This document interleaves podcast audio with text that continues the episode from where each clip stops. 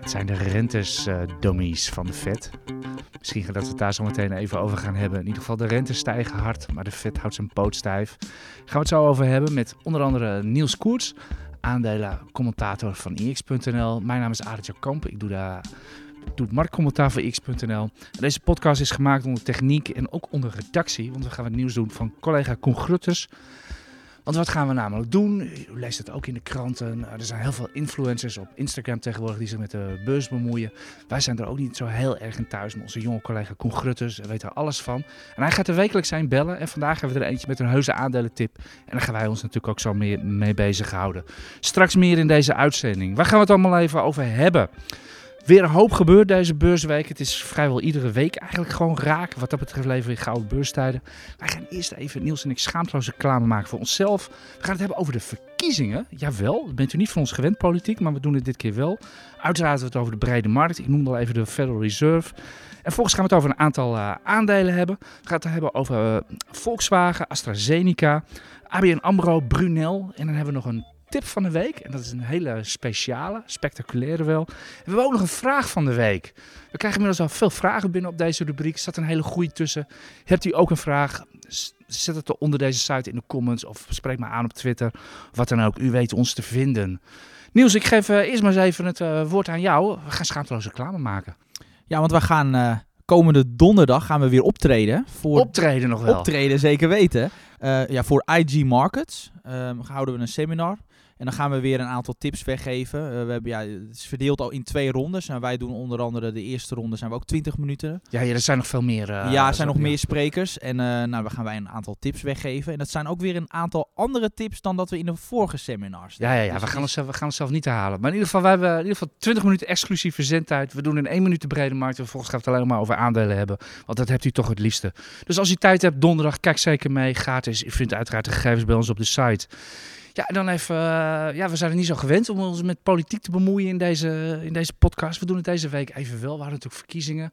Niels, jij hebt alle financiële paragrafen doorgenomen. Wat betekenen deze verkiezingen voor ons beleggers en handelaren? Want dat is het enige waar wij het over hebben. Ja, nou, wat, met mij, wat mij met name is opgevallen, dat, um, ja, dat de partijen die juist beleggers zwaarder willen belasten dat die hebben verloren. En dan, ja, dan denk ik met name aan de SP, uh, GroenLinks en uh, de Partij van de Arbeid. Ja, dat liep al op tot 5% vermogensrendementsheffing. Ja, dat was de hoogste geloof ik. Hè? Ja, de wat linksere partijen die hebben wel een, uh, ja, die hebben daar een eigen, ja, allemaal een eigen systeem hoe ze beleggers zwaarder willen belasten.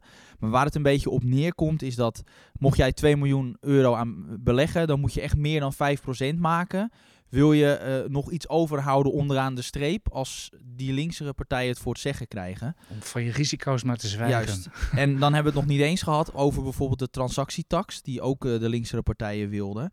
Maar als ik echt puur kijk naar de uitkomst van, de, van deze verkiezingen, is dat uh, we waarschijnlijk geen, op niet hoeven te rekenen op een transactietax. Ga ik niet vanuit. Um, een miljonairsheffing, dat die meer moeten gaan betalen, dat denk ik wel. Want ook D66 had in zijn verkiezingsprogramma staan dat ze... Hè, die... Ja, we moeten natuurlijk vooral naar D66 en VVD kijken, denk ja. ik, vooral wat die willen. Uh, gelet op de uitslag. Ja, en wat je ziet is dat D66 ook wil dat die... Hè, we hebben nu drie schijven in die uh, box 3. En ze willen dat dat nog progressiever wordt. Oftewel, mensen die meer uh, spaargeld of uh, ja, geld hebben om te beleggen, dat die procentueel nog iets meer moeten gaan bijdragen. Daar ga ik wel van uit. Maar dat hangt ook natuurlijk af van, van de wat, coalitie die ja, komt. wat wil de VVD daarmee? Ja, nou ja, de VVD heeft in zijn verkiezingsprogramma staan uh, dat, uh, dat, ze, dat er moet belast worden op het werkelijk behaalde rendement. Dus hè, nu hebben we een fictief rendement van, uh, nou, dat wordt, hangt weer af van hoeveel vermogen je hebt. Ja, dat is weer een beetje lastig. maar de VVD zegt gewoon belasten op basis van werkelijk behaalde rendementen. Alleen toch ga ik ervan uit dat dat er niet van komt, want dat wilden ze vier jaar geleden ook. En dat willen alle andere partijen ook. Alleen het probleem is dus dat het leidt tot ja, bureaucratische romslomp. Uh, en ja, daarom komt het er niet van. Dus, uh, ik, go ik gok op glasplas was de komende vier jaar. Uh, dat zou in principe ja. mooi zijn, want als beleggers zijn we in Nederland best wel gunstig af met de, de tarieven die er zijn. Ja, ja, niets te en, het, het, en het succes van, van Amsterdam als financieel centrum, hè, er komen natuurlijk veel bedrijven naar de beurs hier, et cetera. Houdt daar ook, nou, rechtstreeks is een groot woord, maar houdt daar zeker verband mee. Dus ik weet niet hoe sterk de lobby is in Nederland, maar Den Haag zal er zeker op worden gewezen. Oké, dus dat, eh, dat waren de verkiezingen. Verder eh, vindt u dat maar. Dan gaan we direct naar de brede markt ja, gaan we, want, want u weet, we bemoeien ons nooit met politiek. En eh, de brede Ja. markt, daar stemmen we wel. En dat doen we met onze centen. Ja, jij hebt het, ja, we hebben een vet rentebesluit gehad. Ja, dat was natuurlijk het centrale, het centrale punt deze week. Je kent natuurlijk het verhaal, de rentes lopen op, de inflatieverwachtingen lopen op. En tot dusver had, had de Federal Reserve bij monden van voorzitter Jerome Powell gewoon gezegd van wij veranderen niks aan onze politiek. En die inflatie is duidelijk. Nou, nu mocht hij echt in de persconferentie, mocht hij dat standpunt gaan, eh, ja, nogmaals uitleggen. In wezen zei hij helemaal niks nieuws. Eh, we houden onze programma's houden we zoals we zijn. Verwacht in maart en april, hij was wat specifieker, verwacht hij echt een inflatiepiek van 2,4 procent. Maar daarna gaat het gewoon weer omlaag. En gewoon de verwachtingen blijven van we gaan pas in 2023 rentes te verhogen. En dat, ja, dat vind ik eerlijk gezegd wel het leuke aan deze, deze vet-president. Waar u bijvoorbeeld mevrouw Lagarde van de, van de ECB toch best wel verkrampt die persconferenties ziet geven.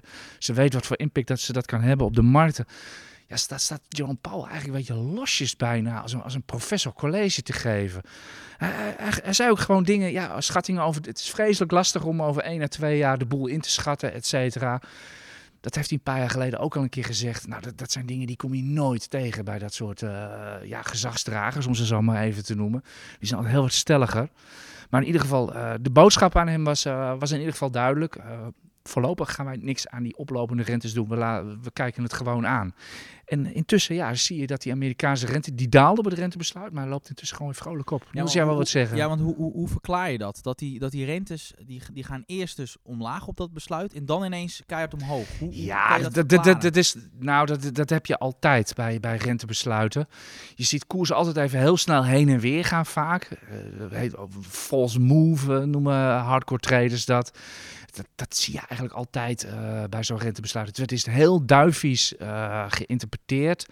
Maar uiteindelijk, ja, dat bleek ook wel een dag erna toen de rente 10 basispunten opliepen. De gewone marktkrachten zijn nog onverminderd, eh, onverminderd van kracht. En die stuwen gewoon momenteel de rente opwaarts. Simpel. Ja, maar wat mij opviel was dat de markt op zich niet heel negatief reageert op die eh rentestijging. Nee, maar dat gold ook al Alleen- deze, alleen deze week. hè? Deze week, ja, maar de Nasdaq gaat wel hard omlaag. Maar we Ja, zien gisteren- de gisteren Europese er, eh, markten zie je gewoon, eh ja, gewoon oplopen. Ja, in, in Europa speelt dit verhaal natuurlijk veel minder. Ik bedoel, eh, de inflatieverwachtingen zijn hier veel lager. De, de groei is hier ook veel lager. En gisteren was het de Philadelphia Fed Index. Eh, dat is een voorlopende indicator uit Amerika. De regio Philadelphia, belangrijke industriële regio. Dat was de hoogste score sinds 1973. Dus het boomt daar echt. En er is in Europa nog geen sprake van. We hebben het nog over, over lockdowns, et cetera. Inflatieverwachtingen zijn laag.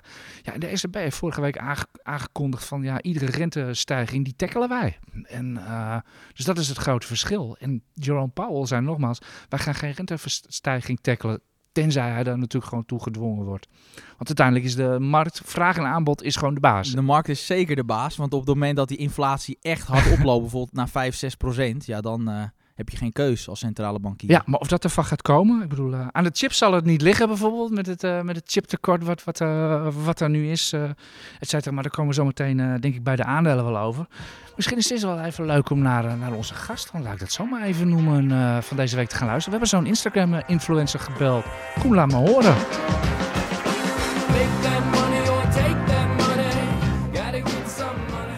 AJ, en we spreken vandaag met Ruud, de man die met zijn pagina een passief inkomen tienduizenden volgers heeft op zowel Instagram als YouTube. En ik ben heel benieuwd wat hij op dit moment een interessante belegging vindt.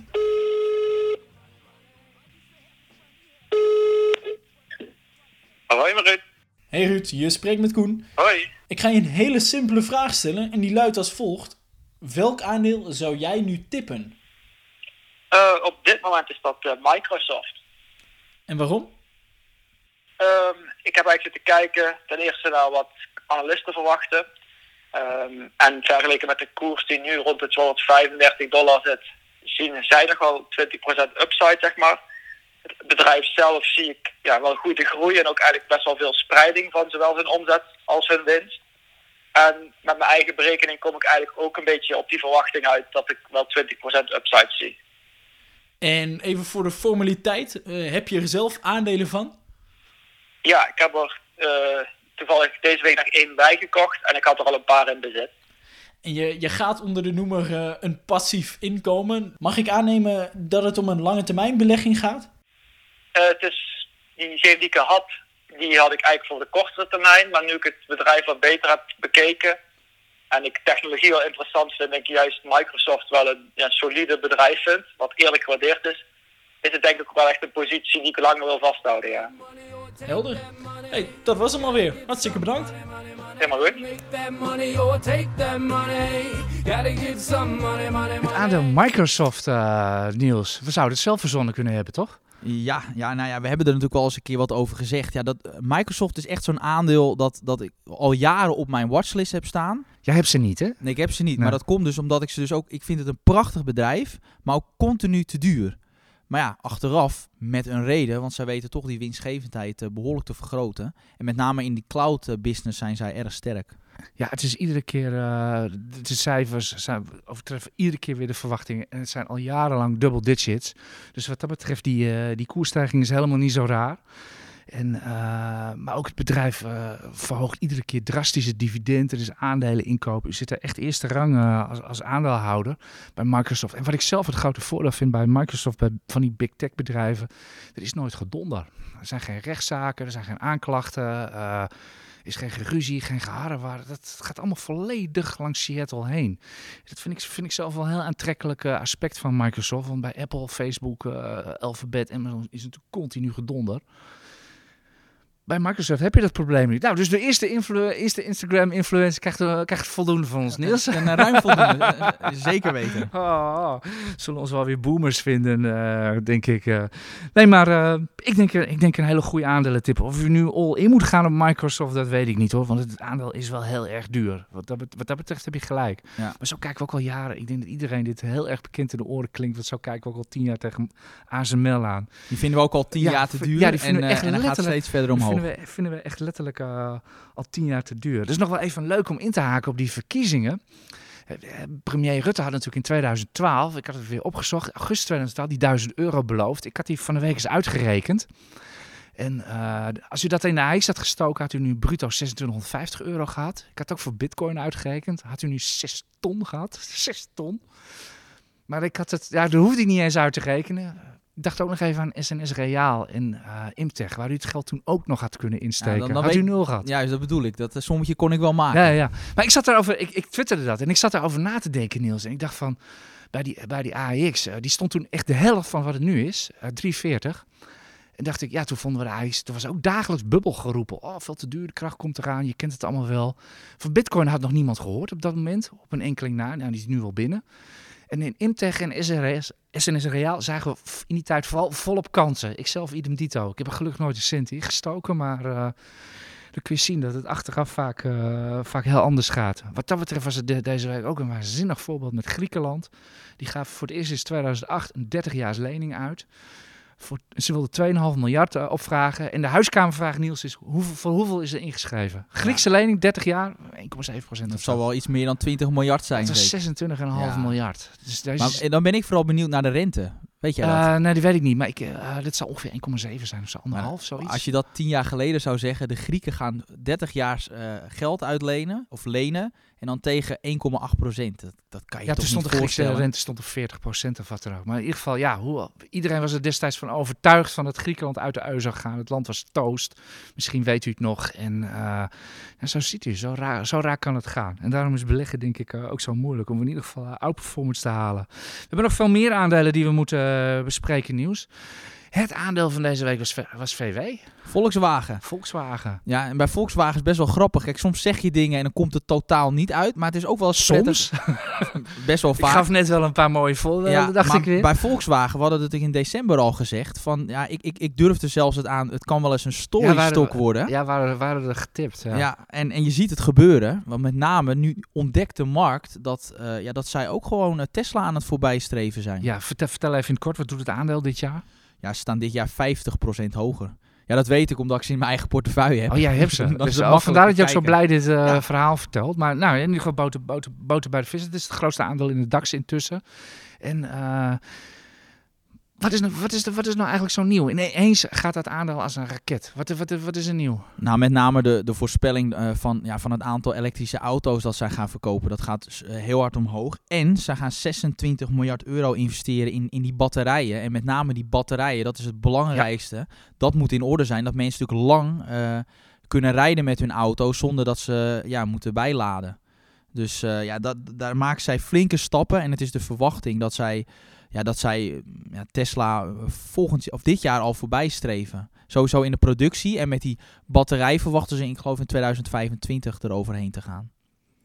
Dus eh, ja, ik, eh, ja, ik ben, dit is, dit is zo'n aandeel eh, dat, waarbij je, dat zit nu in de stijgende lijn. En dan zou ik echt denken van, het lijkt duur misschien, maar Ja, Iedereen- wat, wat betaal je ervoor? ja, weet ik niet uit mijn hoofd. Ehm, ja, daar ben ik, die, die koers-winstverhouding is behoorlijk omhoog gegaan natuurlijk de afgelopen anderhalve maand. Maar waar je met name naar moet kijken is dat het momentum is goed. En dan kan je ze beter maar even aanhouden. Want ja, er gaat nu echt fantasie in dat aandeel komen. Ja, ja je Dus, zag al eh, meteen Renault anticiperen. Die kwam eh, gisteren heel snel met een persbericht. Ja, eh, ja wij gaan dit ook doen. Koers reageerde niet. Maar er was ook nog een General Motors deze week, Niels. En die, ja, die gaven misschien wel een verkapte winstwaarschuwing voor dit kwartaal af. Het grote chiptekort. Dat begint nu echt de industrie parten te spelen. Of in ieder geval General Motors. Die zeggen dat het impact gaat hebben op de, op de resultaten. Samsung deze week ook met een, eh, nou ja, waarschuwing. Of in ieder geval bericht van dat ze een nieuwe note. Ik meen dat het van die tablets van Samsung zijn. Gewoon maar uitstellen voor dit jaar. Gewoon dat het geen chips zijn. eh trouwens Ging die nog- koers ook omlaag daardoor? Op dat Oeh, daar, heb ik, daar heb ik niet op gelet bij, bij Samsung. Maar kijk, een Eh, winstwaarschuwing omdat er een tekort is vanwege chips is natuurlijk minder erg dan dat je een winstwaarschuwing afgeeft omdat simpelweg niemand je auto wil kopen. Ja dat, Ja, ja, dat, ja, dat kun je wat dat betreft wel veel beter hebben. Maar dat zorgt wel weer voor, eh, het voor, wel weer voor inflatie. Ik hoop dat eh, meneer Powell hier ook naar gekeken heeft. In ieder geval, ja, zeker in de chipindustrie is dat een no-brainer natuurlijk. Als er meer vraag naar aanbod is, dan gaan de prijzen daar wel wat drastisch, drastisch omhoog. Eigenlijk ook nog een beetje een half technologie aandeel, biotechnologie. En het meest omstreden aandeel misschien deze week wel is AstraZeneca. Daar heb jij naar gekeken. ja, ja, AstraZeneca. Ja, iedereen is er natuurlijk mee bezig, want ze zijn natuurlijk ja, een beetje slecht in het nieuws, wil ik niet, wilde ik niet zeggen. Nou. Maar er is reuring om dat bedrijf, omdat ze natuurlijk een, ja, dat, ze zijn natuurlijk bekend van het Oxford-vaccin. En daar zijn natuurlijk een aantal mensen, ja, zijn, hadden bloedstollingen en die zijn daaraan komen te overlijden. En dan is natuurlijk de centrale vraag van, nou ja, heeft dat eh, iets te maken met dat vaccin? Ja of de nee? Nou, de EMA, hè, die medicijn, Ja, die al gesproken. die hebben het vandaag gezegd van nou het antwoord is nee. Maar ja, je weet wel dat de mensen nogal wat sceptisch zijn. Maar eh, waarom ik dat eh, aandeel toevallig op... Ja, ik had er ook, een soort van klein kooptipje van gemaakt voor, voor premium. En dat is met name omdat eh, het bedrijf niet heel afhankelijk is van eh, dat coronavaccin. Want het is zelfs zo dat hun outlook die ze afgeven... Ze verwachten uit mijn hoofd eh, zo'n 5 dollar per aandeel winst te maken. Maar daar nemen ze nog niet eens de opbrengsten van dat coronavaccin bij. Ze zeggen zich, ja, dat is gewoon eenmalig, dus dat willen we, niet, willen we gewoon niet meenemen in onze verwachting. Oké, je zegt 5 dollar is niet 5 pond, het is toch Brits? Eh, ja, nee, eh 5 dollar. Ja, ik pak dan de, de, de Amerikaanse notering. Ja, dat doe ik, omdat als je ze in Amerika koopt, betaal je dus geen transactietax. Ja, eh, eh, wie het kleine niet eert, is het grote niet eh nou, weert. Dus, nee, dat, dat, is, dat, is wel, dat, nou, dat is wel heel leuk wat, dat je dat zei. Ik deed gisteren prompt verloren oproepen op, op Twitter. Zo van, in wat voor trekkers beleggen jullie nu eigenlijk? Oproep aan mijn, mijn timeline. Nou, dat heb ik geweten. Ik krijg ook steeds mensen binnen die, die hun portfolio zelfs helemaal doorgeven. Als, als u nog ideeën wil hebben voor, om een trekker te kiezen wat dan gaat u dan even op mijn Twitter kijken. Er staan ongelooflijk veel bij. Maar het viel mij inderdaad ook op dat, dat bij, bij bijna alle mensen is het thema van dat ze meestal in een wereldindex trekken of wat dan ook bij de Giro of wat dan ook, of een goedkope broker. eh, ja, gewoon echt heel erg op kosten letten. Dus wat dat betreft, eh, ja, ik, zit ben, je- ik let er altijd op. ja, het is, het is ook een van de weinige dingen waar je natuurlijk, eh, voordat je gaat beleggen of wat dan ook, waar je echt invloed op hebt. Hè? Uiteindelijk, ja, min of meer de duur waar, wat, je, wat je gaat beleggen, de lengte of het doel of wat dan ook, dat staat wel min of meer vast. Ik bedoel, eh, je risicoprofiel bepaal je zelf. Ja, en je hebt ook nog wel enigszins vinger in de pap eh, met wat voor kosten je betaalt. Of je nou bij een dure bank aan de gracht gaat zitten of inderdaad bij een budgetbroker. Dat kan eh, op, op termijn een vermogen verschil maken. Maar in ieder geval, eh, dat is, eh, wordt, wordt volop op gelet. Ja, eh, nou ja, dat met op de kosten letten. Wat ik zelf ook doe, ik maak zo'n Excel-overzicht en daar hou ik al mijn transacties bij en ook de transactiekosten die je maakt. En als je dat bijhoudt en je hebt daar een, dan krijg je daar een heel duidelijk overzicht mee van nou wat ongeveer je jaarlijkse transactiekosten zijn. En eh, dat geeft met name ook een soort van, ja, het geeft een inzicht. En daardoor ga je ook automatisch, omdat je het ziet, ga je meer rekening houden met je kosten. En dat zorgt er weer voor dat je rendement omhoog gaat. ja, ja, ben, je, ben je hierdoor meer of minder gaan aankopen? Heeft het invloed op jouw Ja, ik ben, wel, ik ben wel wat voorzichtiger met handelen ge- ge- geworden. Ik, sowieso wil ik niet te veel handelen. Het heeft ook, ook met het werk te maken.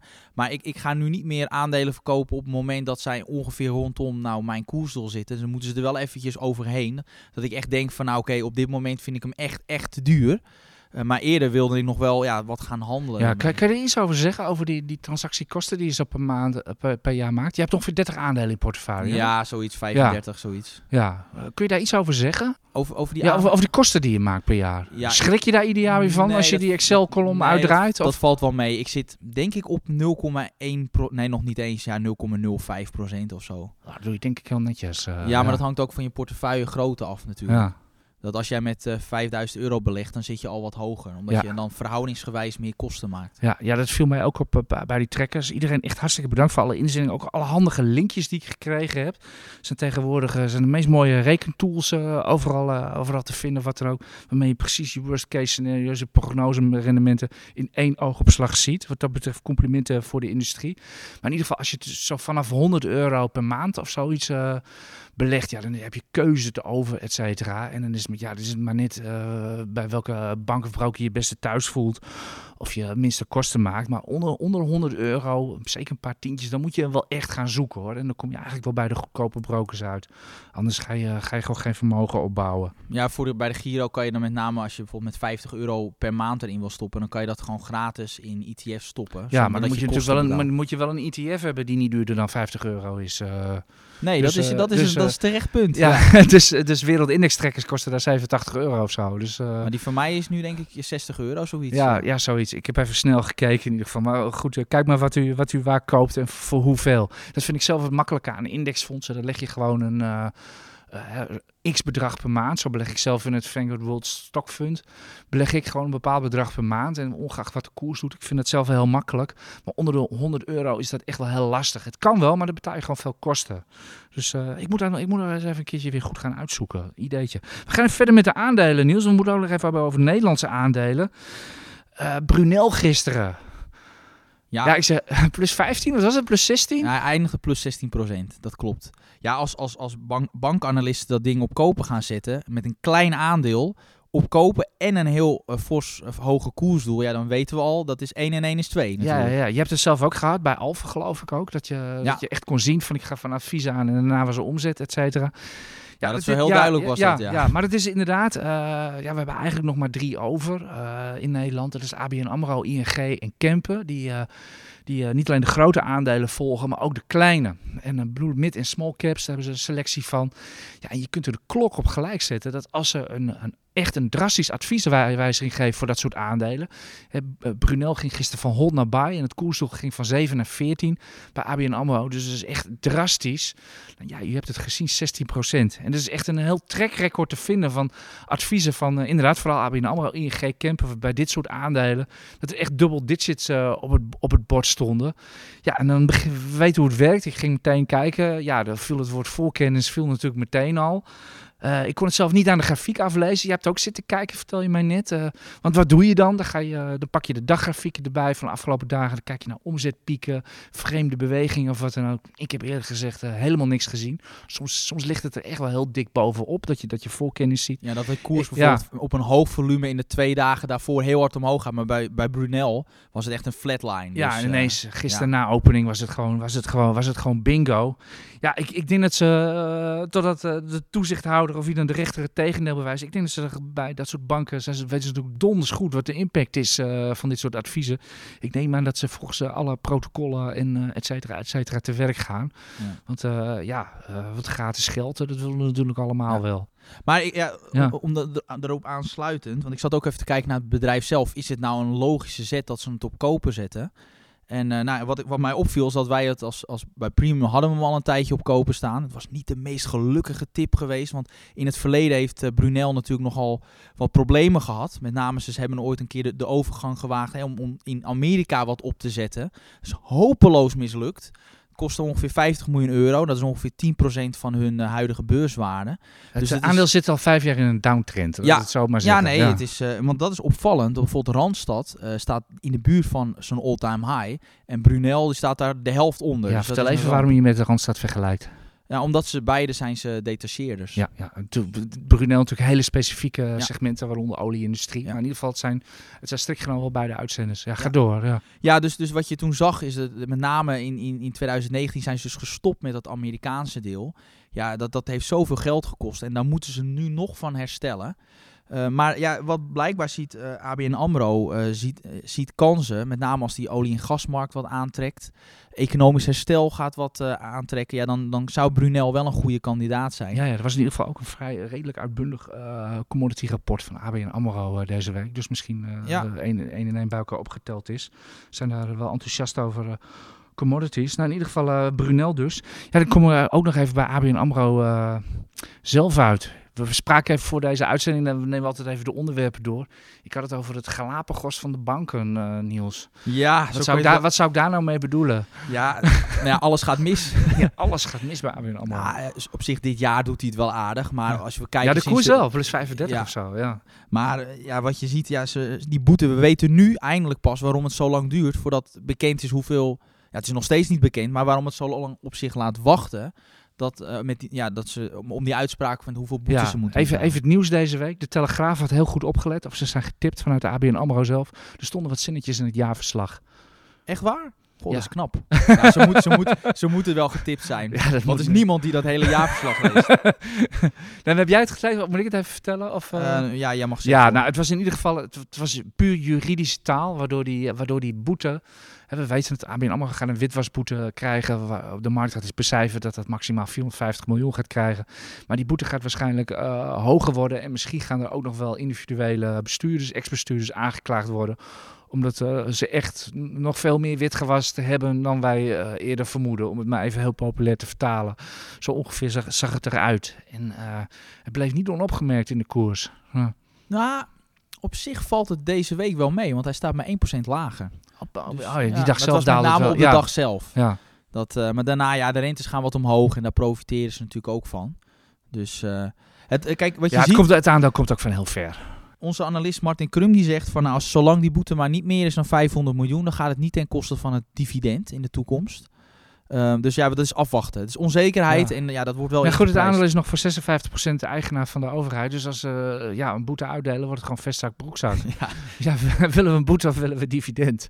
Dus dat wordt een beetje de keuze voor, eh, voor misschien wel een nieuwe minister van Financiën. Heb jij een idee? Eh, Zou jij de naam durven droppen? Van de minister van Financiën. Ik denk, als ik zou moeten gokken, dan zou ik zeggen Wouter Koolmees. Oké, ja, want het gaat er wel iemand... Ja, we gaan ervan uit dat, dat D66 en VVD in de, in de coalitie... En dan Nummer gaat twee. En de, wacht even, minister van Financiën geldt wel als de tweede post, hè? Ja. Na de premier. Dus, eh, de, eh, de ene ja. grootste partij die krijgt die eh, post. Oké, dus nou, we gaan het zien. Wou- Wouter Koolmees. Ja, nog even. Ik, ik ga zelf... maandag ben ik om kwart voor zeven al, s ochtends op eh, BNR, om even iets over ABN AMRO te vertellen. Dat die dag helaas uit de AX verdwijnt. Daar willen we het even over hebben. Het goede nieuws die dag is dat NXP, onze vierde chipper, zoals ik die altijd noem, na ASMI, ASML en Bezi, die dag de S&P 500 ingaat. Dus dat is ook nog een beetje, eh, beetje goed nieuws die dag. eh. Dan komen we bij de, en dat is een hele speciale nieuws, de tip van de week. Ja, ja eh, misschien Je, moet, je, moet de, je moet de kop zelfs voorlezen, geloof ja, ik. Hè? is, eh, de, de kop van, van onze analist was, Paul Weteling, koopwaardiger dan ooit. En dan hebben we het over Amazon. Amazon. Ik denk niet dat veel mensen die link kunnen leggen. Eh, maar wat hij met name zegt is ehm, dat Amazon ehm, noteert weliswaar tegen hoge, een hoge waardering. ongeveer 55 keer de verwachte winst over dit jaar. Dat is natuurlijk heel veel. Alleen waar het om gaat is bij dit bedrijf, is dat zij hun winst de komende jaren flink kunnen verhogen. Want op dit moment is die nog kunstmatig laag wordt die gehouden. Simpelweg omdat ze heel veel investeren. Vaak ook onder de markt, eh, onder eh, de kostprijs eh, gaan liggen. En bijvoorbeeld zie bijvoorbeeld, ze gaan natuurlijk naar Nederland. Nou, dan kan je het ook heel goedkoop bieden ze het aan, eh, de producten. Dus, dus dat, dat zie je op, op verschillende takken. ehm. dus, dus waar het met name om gaat, is dat zij, het, eh, ze zijn sowieso de grootste speler. Ze zitten opereren in een groeimarkt. En ze kunnen die winstgevendheid, eh, die marges verder opkrikken. En dan Dan moet ik name... uiteraard weer aan double digits denken, denk ik. Zeker. Ja, ja. En dan met name als je dat ja, een beetje kijkt naar de toekomst, dan ja, gaat ineens die waardering omlaag. Dus stel dat de koers de komende twee eh, jaar gelijk zou blijven, dan zou je ineens een veel lagere eh, waardering krijgen. Want als je bijvoorbeeld kijkt naar 2022, dan zit je al op een eh, verwachte winst, op een verwachte KW van 38. Dus het ga je al stuk omlaag. Oké, Dus- gaan, gaan de investeringen dan ook omlaag bij Amazon? Of, nee, nog niet. Maar het is de Ja. komende jaren natuurlijk nog investeren. Maar je moet met name bij dit soort bedrijven even wat verder kijken. Ja, ja, nou, ik zat dat te denken van misschien mag je eens een keer aan aandelen inkoop gaan denken of zoiets bij... Nee, nu moeten ze vooral investeren in groei. nog steeds. Ja. Toch nog wel. Nou, in ieder geval... eh, Dus het koersdoel wat we hebben, dat moet hij maar lezen in het artikel. Maar ik vond het wel een redelijk spectaculair koersdoel. Dus lees vooral op de site. Oké, maar goed, in ieder geval het verdienmodel ziet er goed uit eh, van Amazon. Ja, dat is natuurlijk wat we al die tijd eigenlijk al hadden onderschat natuurlijk bij het eh, bedrijf. Dat Warren Buffett aan toe, die daar spijt van had. Ja, dan hebben we ook nog, tot slot nog even eentje. En die is eigenlijk wel aan onszelf gericht. We hadden ook nog een vraag van de week. Er was een lezer of een luisteraar die vroeg van... jullie vinden Unilever, en dan hebben ze het over Niels en mij... jullie vinden Unilever een no-brainer. Dat hebben we volgens mij letterlijk zo gezegd ook vorige Ja. week. Terwijl eh Roy Stostrams, die heeft het op een keiharde verkoop staan. Roy Stostrams, onze technisch analist. Hoe kan dat? Ja, Dan zeg jij het maar, Niels. nou, dat komt. Dat is, we hebben daar een heel simpel antwoord voor. Fundamentele analyse en technische analyse is een totaal eh, verschillende tak van sport. Als je kijkt met fundamentele analyse, kijken we met name naar wat is de, hoe sterk is de marktpositie van een bedrijf? Heeft het bedrijf veel schulden? Hoe, gaat, hoe ontwikkelt zich de winst van het bedrijf? Heeft et cetera, et cetera. Dat soort Ja. zaken. En bij technische analyse kijk je met name naar de. eh, zit het aandeel in een stijgende trend? Hoe zit dat met eh, de weerstand? Zit het in de buurt van het steunniveau? Dat soort ja, termen. eh, Ja, de gemiddelde de, Ja. de, de retracements niveau, ja, waar Ja. u ook maar op let bij technische analyse. Juist. Dus wat je bijvoorbeeld ziet is bijvoorbeeld eh, ja, onze analist Martin eh, Krum. Fundamenteel analist. ja. Fundamenteel analist. En die kijkt met name naar bedrijven, geeft hij vaak koopadviezen die echt zijn afgestort, letterlijk. Die pakt het, ja, die wil gewoon, ja, ja, voor een, hoe heet dat? Je hebt daar zo'n term voor. Stokpikken. juist stokpikken. En, maar dus eigenlijk, meestal als hij voor een aandeel een koopadvies geeft, dan zullen ze bij TA denken van ja, wat heb je daar te zoeken? Dus, dus dat is heel, ja, dat is heel anders. Dus het Ja, is- dat geldt, dat geldt ook een beetje voor Unilever. Dat staat min 5% dit jaar, Ja. geloof ik. Echt tegen de AEX in. Dus dat, dat kijkt er helemaal niet raar van op dat het eh, in een downtrend zit. Of wat. Ik heb niet, niet, niet echt gekeken of wat dan ook. Verbaast me niet. Maar in ieder geval, ja, dan juist. volgens mij was, was onze redenering vooral van... ja, het is in jaren niet zo goedkoop geweest. En het verdienmodel van, eh, van eh, Unilever is als van oud sterk. Dus wat dat betreft kan je het mooi oppikken. Maar het is, ja, wat ik nog even wil, wil zeggen is dat als je fundamenteel analist bent, betekent het niet dat je nooit kijkt naar technische analyse. Want ik, als ik zelf een aankoopbeslissing maak, dan ehm, als ik hem, ja, als ik hem dus wil, een aandeel wil kopen, wat ik aantrekkelijk gewaardeerd vind, kijk ik wel altijd toch stiekem nog wel naar het technisch plaatje. Want als hij in een downtrend zit, dan denk ik van, nou, ik vind hem wel goedkoop, maar ik wacht gewoon nog even af totdat er een soort van een haakje in de grafiek komt. dat, ja, ik kijk met name dan nog naar die laatste zes maanden grafiek. Als dat dan goed ligt, dan weet ik, oké, er zit weer wat momentum in en dan pak ik hem op. ja, ja. Dus, eh, Geldt ook voor de andere kant. eh TA's bemoeien zich ook overal mee. Nieuws. Er was alleen maar naar de lijnen mogen kijken, genomen. Zal wel weer niet in dank worden afgenomen. Maar goed, eh, volgens mij hebben wij weer een eh, half uur vol gepraat. Over in ieder geval ja, een week waarin eigenlijk de Nederlandse beurs zelf niet zo heel erg veel te doen was. eh, qua cijfers, wat dan ook. Maar internationaal genoeg. We beginnen eigenlijk over een paar weken alweer aan een nieuw cijferseizoen, eh, Niels. ja, dat is meestal maandje. in de derde week toch van Ja, eh, april. Ja, daar begint het weer. We hebben nu een beetje tussenweken. En dan, eh, dit, formeel gezien komen we nu in het winstwaarschuwingsseizoen. Zo langzamerhand. We gaan ook weer de stille periode in, et cetera, et cetera. Het zijn in ieder geval voor ons even wat, eh, wat rustige weken. Eh, we hopen dat u nog wat verdiend hebt deze week op deze beurs. Heb een heel lekker weekend en veel plezier volgende week eh, op de beurs. En want het is een heerlijke beurs. Je gaat misschien weer jaren saaie beurzen meemaken. Zo leuk als het deze jaar is, heb ik het nog niet meegemaakt. Veel plezier. Bedankt voor het luisteren.